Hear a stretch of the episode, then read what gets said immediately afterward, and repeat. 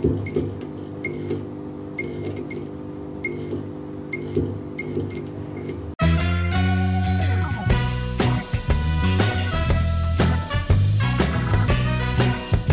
juga Tuhan ciptain lagi setelah itu orang-orang lain yang banyak gitu loh. Cuman Adam dan Hawa itu seperti archetype-nya, itu seperti model daripada kemanusiaan itu.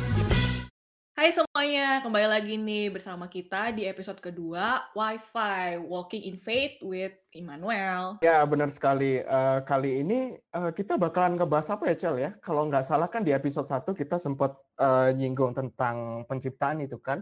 Dan aku juga sempat uh, nutup di konklusinya bahwa episode kedua tuh bakalan agak nyambung sama episode satu yang udah pernah kita bahas. Nah, pertanyaannya apa, Cel? So, pertanyaan pertama adalah bagaimanakah keturunan Adam dan Hawa? Nah, terus abis itu ada lagi nih pertanyaan berikutnya, sebenarnya di mana sih Taman Eden itu? Ya, benar Pada hari sekali. ini kita bakalan bahas bareng-bareng sama pembicara yang udah ada dari episode 1, yaitu Rick Ruben. Silahkan nih Rick, bisa langsung dimulai aja. Ya, monggo, monggo. Oke. ya. Nih kita benar-benar shifting ya dari episode pertama berbicara soal masa depan sekarang kita berbicara soal masa lalu yang Ya nggak bisa move on dari masa lalu biasanya. Jadi kan ini pertanyaannya kan bagaimana dari Adam dan Hawa terus bisa menjadi banyak gitu ya. Benar, benar. Sebenarnya Hmm. kalau logisnya ya jawabannya beranak cucu dong karena kan memang kan Atau, kejadian satu dua dua delapan kan eh, bilangnya gitu.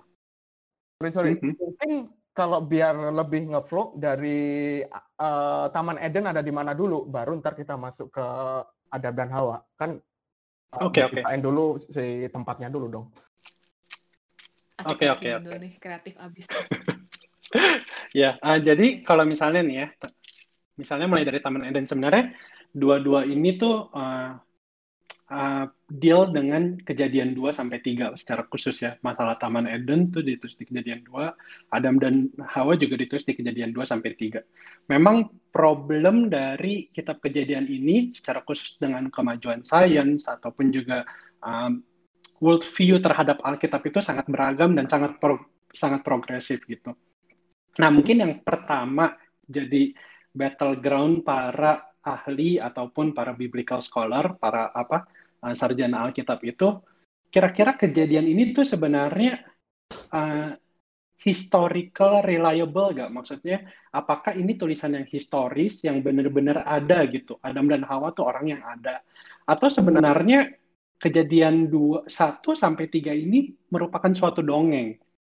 Mhm. atau misalnya itu hanya suatu puisi atau cuman suatu prose, suatu prosa cerita gitu, seperti cerita rakyat yang sebenarnya nggak mesti historically proven, nggak harus terbukti secara historis, tetapi dia bisa membentuk cerita rakyat pada saat itu. Kayak misalnya uh, Sun Gokong. Sun Gokong itu kan nggak usah historis, tapi ceritanya itu dipercayai oleh orang-orang Buddha dan mengajarkan juga kebenaran moral yang baik buat mereka misalnya gitu. Nggak tahu kalian berarti sendiri udah pernah dengar belum? kayak atau eh, Rick, dari penjelasan yang lu tadi, Mhm. gue sih langsung kepikiran apakah itu jadinya mitos gitu. Kalau misalnya Iya ya memang. kita nggak tahu Aha. kebenarannya, tapi karena dibicarain dari turun temurun, ya jadinya orang ya ain faso percaya aja gitu dengan fakta di lapangan kayak apa.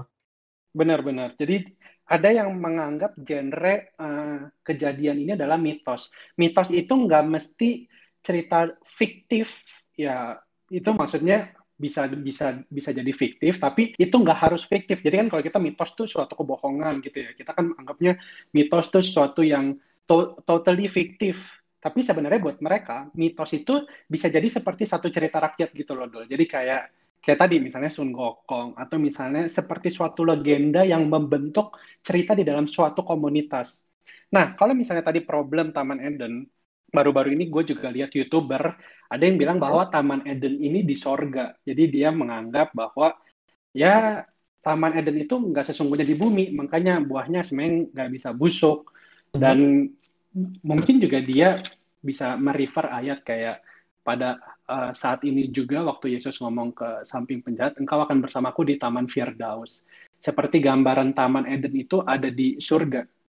Tapi sebenarnya kalau kalian baca kejadian 1 sampai 3, ya secara khusus Taman Eden itu muncul di kejadian dua itu kalian akan punya iman yang jauh lebih besar untuk berkata Eden di surga daripada di bumi.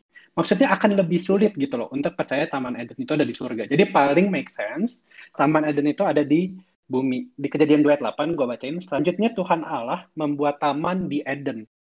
Jadi Eden ini suatu tempat yang lebih besar. Taman itu sendiri ada di dalamnya gitu. Dia Tuhan membuat taman di Eden. Dan uh mhm. -huh dari situ ada suatu sungai mengalir dari Eden ya. Jadi di ayat 10 itu dibilang ada sungai yang mengalir dari sungai Eden yang bercabang yang terbagi menjadi empat cabang. Nah di situ ada empat sungai. Mungkin buat kita ada yang nama-nama yang familiar, ada yang nggak familiar. Yang pertama itu adalah Pison, uh, yakni meng mengalir mengelilingi seluruh tanah Hawila. Yang kedua itu adalah Sungai Gihon, itu nanti mengelilingi seluruh tanah Kus. Terus ada sungai Tigris dan sungai Efrat. Nah, secara arkeologis yang bisa yang masih bisa ditemukan peradabannya dari sungai keempat sungai ini cuma dua sungai terakhir yaitu sungai Tigris dan sungai Efrat itu ada di daerah Mesopotamia mungkin kalau sekarang Irak di daerah Irak situ itu di daerah Mesopotamia tetapi yang dua pertama itu secara sejarah atau secara arkeologi sudah tidak ditemukan lagi sungai ini. Tetapi kita bisa lihat bahwa itu mengelilingi pertama seluruh tanah Hawila dan yang Gihon itu ayat 13 itu mengelilingi seluruh tanah Kus. Ini kalau kalian apa bisa conversationnya sambil buka Alkitab lebih baik ya. Jadi di ayat ya. 11 sampai 12 itu sampai 13 itu mengelilingi tanah Hawila dan tanah Kus. Tanah Hawila dan tanah Kus ini nantinya di kejadian 10 uh, di dalam uh, silsilah di sana itu adalah keturunan daripada Mesir dan uh, saudaranya. Jadi kemungkinan itu daerah sekitar Mesir. Jadi ini ada di dunia, ada benar-benar di bumi. Dan menariknya dari Mesopotamia sampai Mesir di tengah-tengahnya itu ada tanah Kanaan. Jadi besar kemungkinan para ahli beberapa setuju bahwa tanah Eden ini, Taman Eden sorry, ada di tanah Kanaan. Rick, uh, kalau memang dari pernyataan yang lo jelasin barusan ya, uh, berarti kan ini pasti ada sangkut pautnya dengan arkeolog atau apa pun itulah yang hubungannya geografis. Lider, uh, gua nggak sekolah geografis, bukan anak IPS kayak gitu tahu. Cuma uh, ada salah satu apa ya uh, fakta ilmiah gitu uh, menurut para peneliti-peneliti yang cukup menarik itu tentang uh, sejarah benua di dunia gitu, uh, sejarah pergerakan lempeng bumi, bumi sorry. Kalau kalian pernah dengar namanya itu Pangea. Jadi uh, yeah, kayak super benua yang di mana tuh misalnya benua Amerika, benua Asia, Eropa, Afrika sampai uh, Australia semuanya tuh pada awalnya itu satu gitu. Nah, sekarang yang buat gue penasaran adalah kalau memang teori ini pada waktu itu benar dan memang uh, keberadaan Taman Eden adalah di bumi, berarti posisi nggak jadi akurat dong gitu. Karena mungkin pada waktu masih dalam bentuk pangea bisa jadi kan uh, si sungai apa Pison di mana uh, sungai Pison di mana ya kan?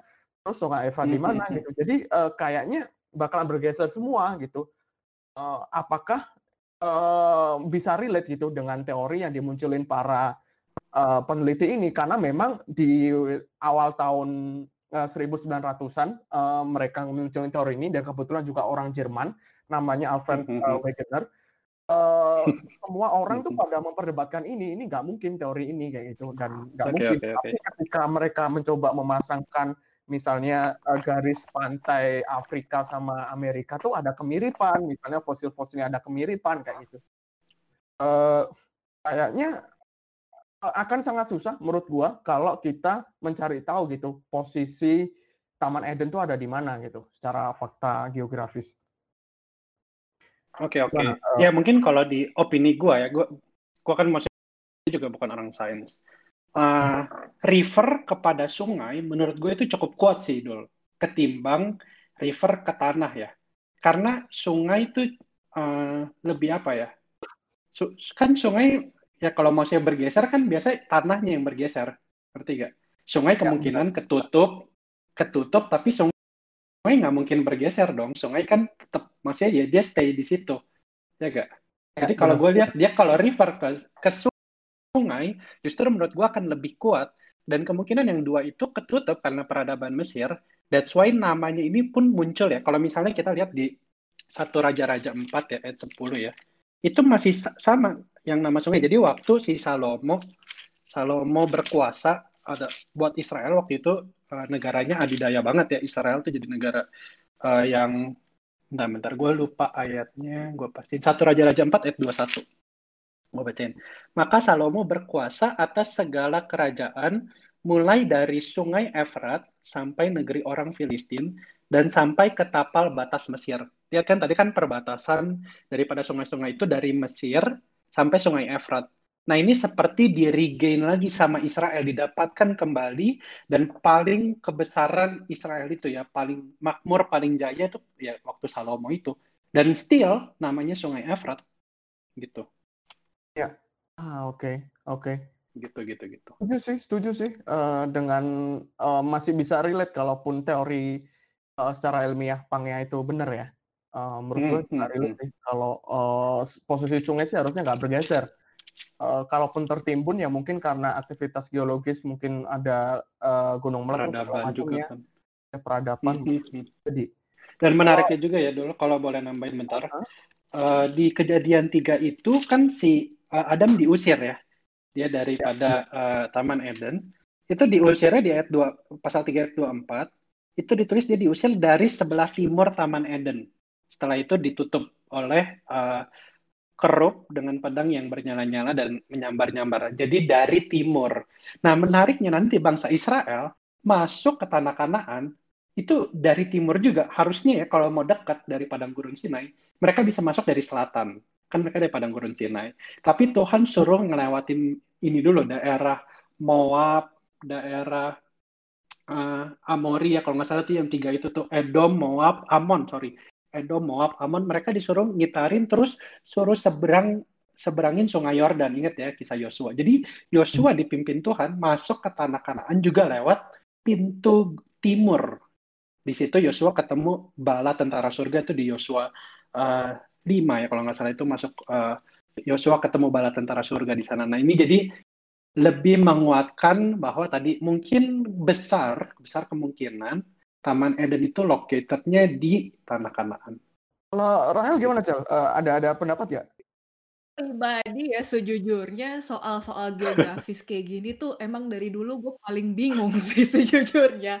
Tapi yang justru menurut gue yang sangat-sangat uh, interesan buat gue itu justru lebih ke ras sih gimana sebenarnya dari cuman Adam, Hawa, Kain dan Habel terus bisa jadi kayak kita. Dan buat gue yang sangat uh, menarik adalah dari kejadian 4 ayat 14 di mana Kain saat baru membunuh Habel dia ada bilang barang siapa yang akan bertemu aku tentulah akan membunuh aku. Berarti kan di saat itu mereka nggak cuma berempat dong atau bertiga ya karena hmm, Habel hmm, hmm. udah dibunuh. Berarti kan ada orang lain lagi makanya dia sampai takut tuh. Mereka nggak cuma berempat tapi dia takut ada orang lain yang ketemu dia dan akan ngebunuh dia. Nah itu kok bisa ada orang lain padahal nggak uh, diceritain tuh gimana tuh? Iya, sebenarnya kalau bicara soal kain mungkin kita belum bicara soal race dulu ya.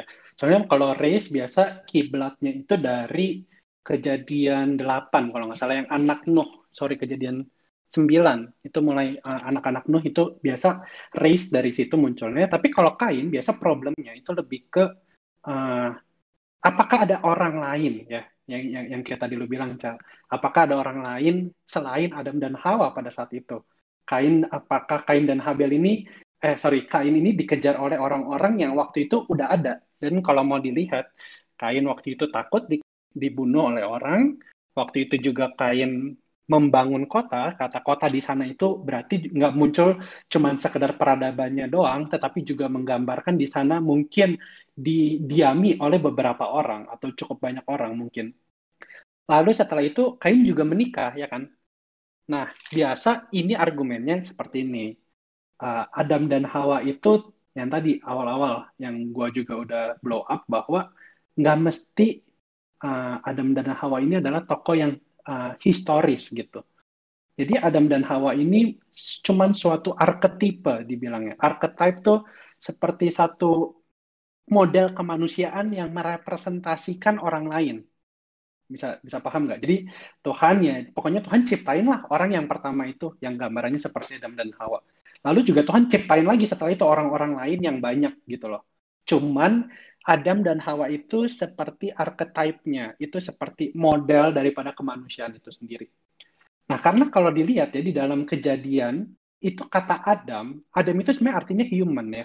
Itu ditranslate dengan bervariasi. Jadi ada yang pakai definite article, jadi ada the-nya gitu ya.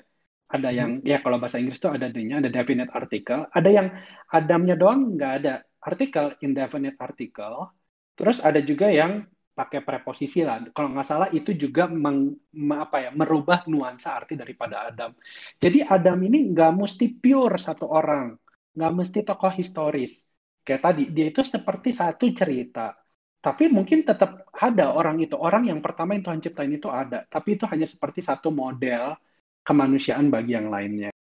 Oh, Tuhan ciptain juga manusia-manusia lainnya. Oke, jadi maksudnya kalau yang ini ya, kalau ini benar Adam dan Hawa secara apa tidak benar-benar historis, tapi hanya seperti suatu arketipe doang, ini secara doktrin lemah. Ntar, ntar mungkin ya kalau lu ada tanya-tanya lagi ya, mungkin gue bisa jelasin yang lebih sifatnya doktrinal.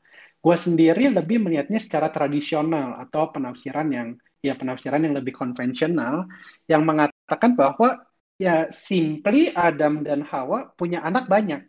Kalau misalnya lihat di kejadian 5, inilah daftar keturunan Adam ayat pertama ya. Pada waktu manusia itu diciptakan oleh Allah, dibuatnya lah dia menurut rupa Allah.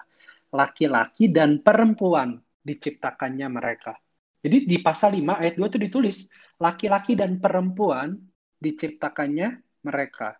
Ini daftar keturunan Adam. Jadi memang Adam punya anak yang nggak cuman Kain dan Habel.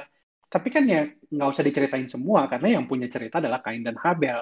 Secara khusus Musa ya di dalam penulisannya kepada orang Israel waktu itu ya, dia ingin mengkisahkan Kain dan Habel doang. Tetapi keturunannya ya banyak memperanakan uh, laki-laki dan perempuan.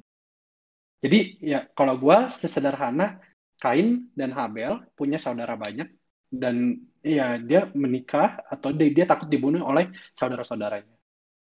Oke, ya tadi yang gue sempat kepikir itu karena ini satu info yang baru juga gitu buat gue. Berarti um, menurut lo ada orang-orang lain yang juga seakan-akan ditakuti oleh Kain yang sebenarnya diciptakan langsung sama Tuhan dan nggak unbeding keluar dari rahim Hawa, benar nggak? No, justru gue justru gue gegen sama itu. itu. Maksudnya gue gue nggak setuju sama itu. Ah, oke, tapi toh ada teori orang yang Ada percaya seperti ada itu ada. ya? Sorry sorry, gue nggak gitu nyambung. Boleh ulang bentar tuh, Oh, yang terakhir? Iya, jadi, uh, kan banyak banget kan ini orang-orang yang ditakuti sama, uh, Kain. Saat si Kain, uh, habis membunuh Habel, dia ada bilang takut gitu di Kejadian 4 ayat 14. Dia bilang, "Barang siapa yang akan bertemu aku, tentulah akan mhm. membunuh aku," gitu. Dia ada ketakutan.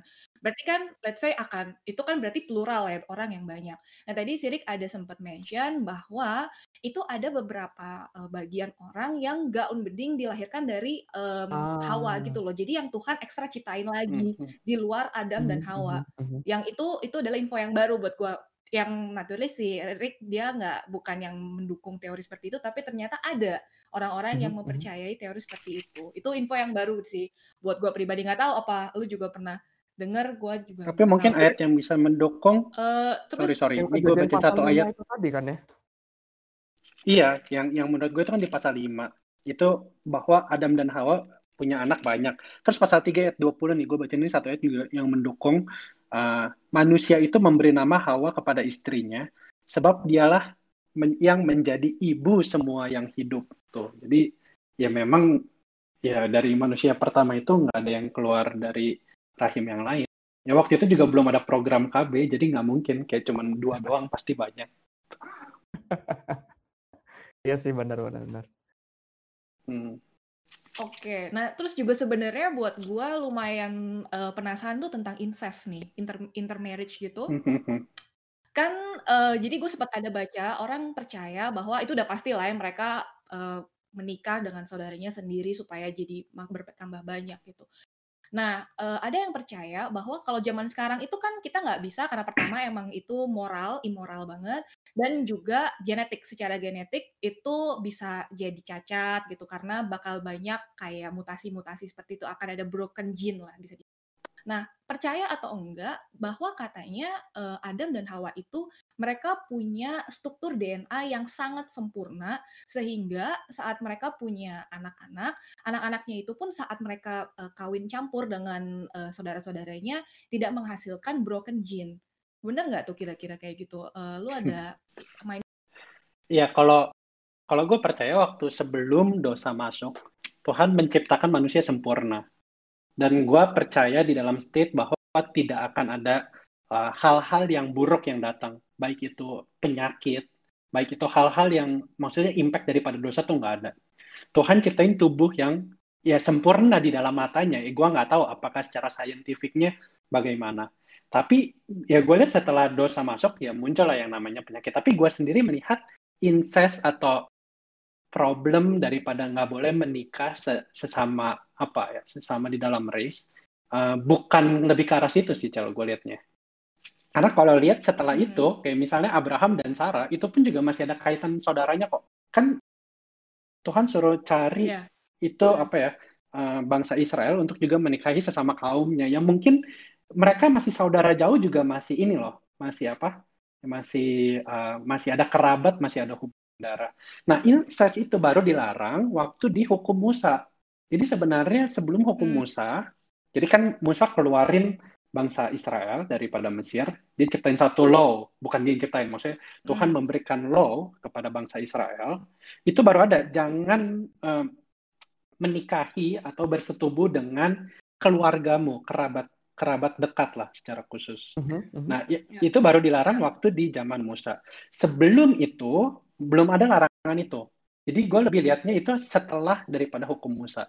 Nah kalau gue lihat dari segi misalnya kesehatan, tentu kalau bisa dibilang ya zaman dulu penyakit nggak sekompleks sekarang lah. Apalagi ini zaman baru penciptaan.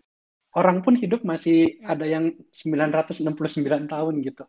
Dan ya orang-orang dulu hidupnya masih 120 tahun, penyakit belum begitu kompleks. Dan ya mungkin perkembangan zaman, gue sendiri melihat ini mungkin lebih dalam uh, apa ya biological view lah jadi bukan biblical view karena Alkitab pun bukan suatu buku sains ya jadi uh, lebih baik jangan menafsirkan Alkitab dari sudut pandang sains tapi gue lihat ya memang perkembangan zaman semakin kompleks dan ya secara biologis menurut gue uh, ya wajar aja kalau incest itu menimbulkan atau beresiko dengan penyakit apalagi setelah Tuhan tetapkan ya di dalam hukum Musa itu. Mm -hmm.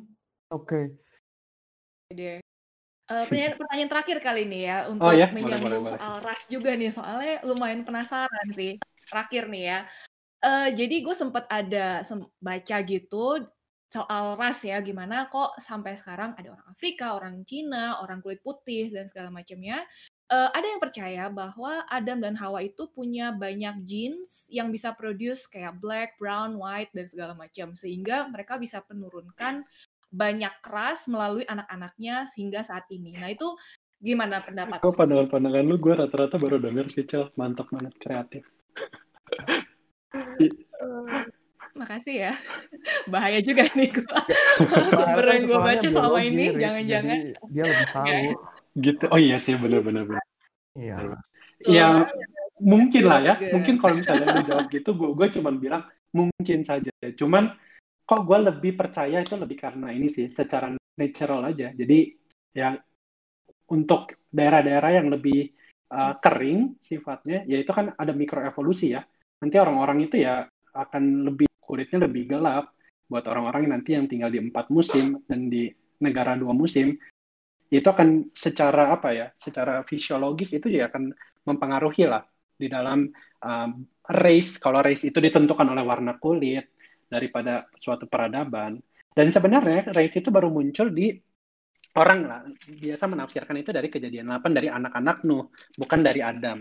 Dan anak-anak Nuh itu Sem, Ham, dan Yafet. Jadi dipercaya bahwa uh, Sem ini adalah keturunan nanti daripada orang-orang Asia gitu ya, orang Timur.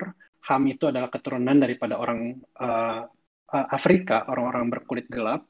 Lalu Yafet ini adalah keturunan orang-orang berkulit uh, putih yang lebih dikenal oleh orang-orang barat lah gitu. Nah, tetapi bukan waktu Nuh brojol langsung anak-anaknya ada tiga warna gitu. Jadi ya tiga-tiganya itu masih keturunan daripada Nuh, tetapi berdasarkan mikroevolusi ya tadi misalnya ada uh, si uh, Gundul tadi ada bilang ya ada uh, misalnya ada fenomena alam benua mulai terpecah terus yang daerah yang lebih panas akan lebih banyak dapat sinar matahari terus lama-lama kan ratusan tahun ribuan tahun itu kan akan membentuk satu jin jadinya membentuk ya maksudnya speciality daripada race tertentu gitu jadi gue lebih melihat itu natural daripada pergerakan geografis ketimbang dari Adam sendiri udah menciptakan keturunan yang berbeda-beda gitu. Uh -huh, uh -huh. Iya sih, kayaknya nggak tahu sih karena gue juga uh, bukan dari orang biologi, menurut gue cukup masuk akal sih um, penjelasan dari kalian juga gitu. Penjelasan dari Rick mungkin sih, ya. Kayaknya pertanyaan kita udah kejawab ya. Iya. Uh, lumayan sih kita menanya dua pertanyaan, tapi kita bisa ngebahas uh, lumayan dapat berbagai sudut pandang gitu. Mm -hmm. uh, mungkin mungkin kita di episode ini segini dulu ya Cel ya, yes. ya untuk pembahasan kali Betul ini. Betul banget. Karena gue rasa juga udah ngejawab, cukup ngejawab. Tapi kalau misalnya uh, saudara-saudari, teman-teman masih pengen berdiskusi lagi, kita sangat senang sekali untuk kalian juga ikut uh, komentar ataupun menanyakan lagi jawabannya bisa di kolom komentar platform yang akan kita sharing, bisa di Instagram, bisa di YouTube ataupun di platform lainnya. Yes, bener banget. Nah, tapi jangan lupa kita juga mau berterima kasih nih buat Trik supaya lu nggak bosan-bosan lah ya kita datang terus ke podcast kita. Semoga mau terus ya, Trik ya. Enggak lah. Jangan kapok ya dengan pertanyaan-pertanyaan seperti tenang. ini. thank you banget ya, Rik. Tenang, aman.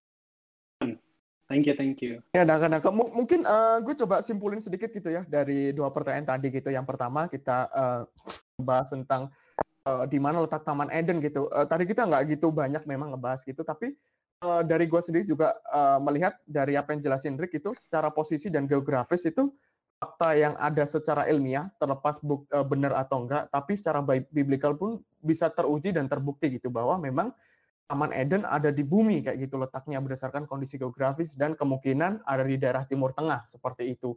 Dan kemudian uh, yang kedua tentang masalah uh, keturunan Adam ataupun tentang ras itu tadi juga udah dijelasin gitu bahwa uh, secara ilmiah kita bisa melihat ada mikro uh, re revolusi ya.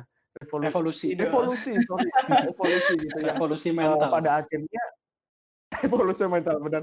Sehingga uh, seiring berjalannya waktu selama ratusan ataupun bahkan ribuan tahun menyebabkan ya kita melihat sekarang gitu kita ada berbagai ras segala macamnya berdasarkan keturunan dari uh, uh, Nuh itu tadi ada Sam, Ham dan Yafet. Oke, okay, uh, kurang lebih itu dulu uh, saudara-saudari teman-teman untuk pembahasan kita hari ini.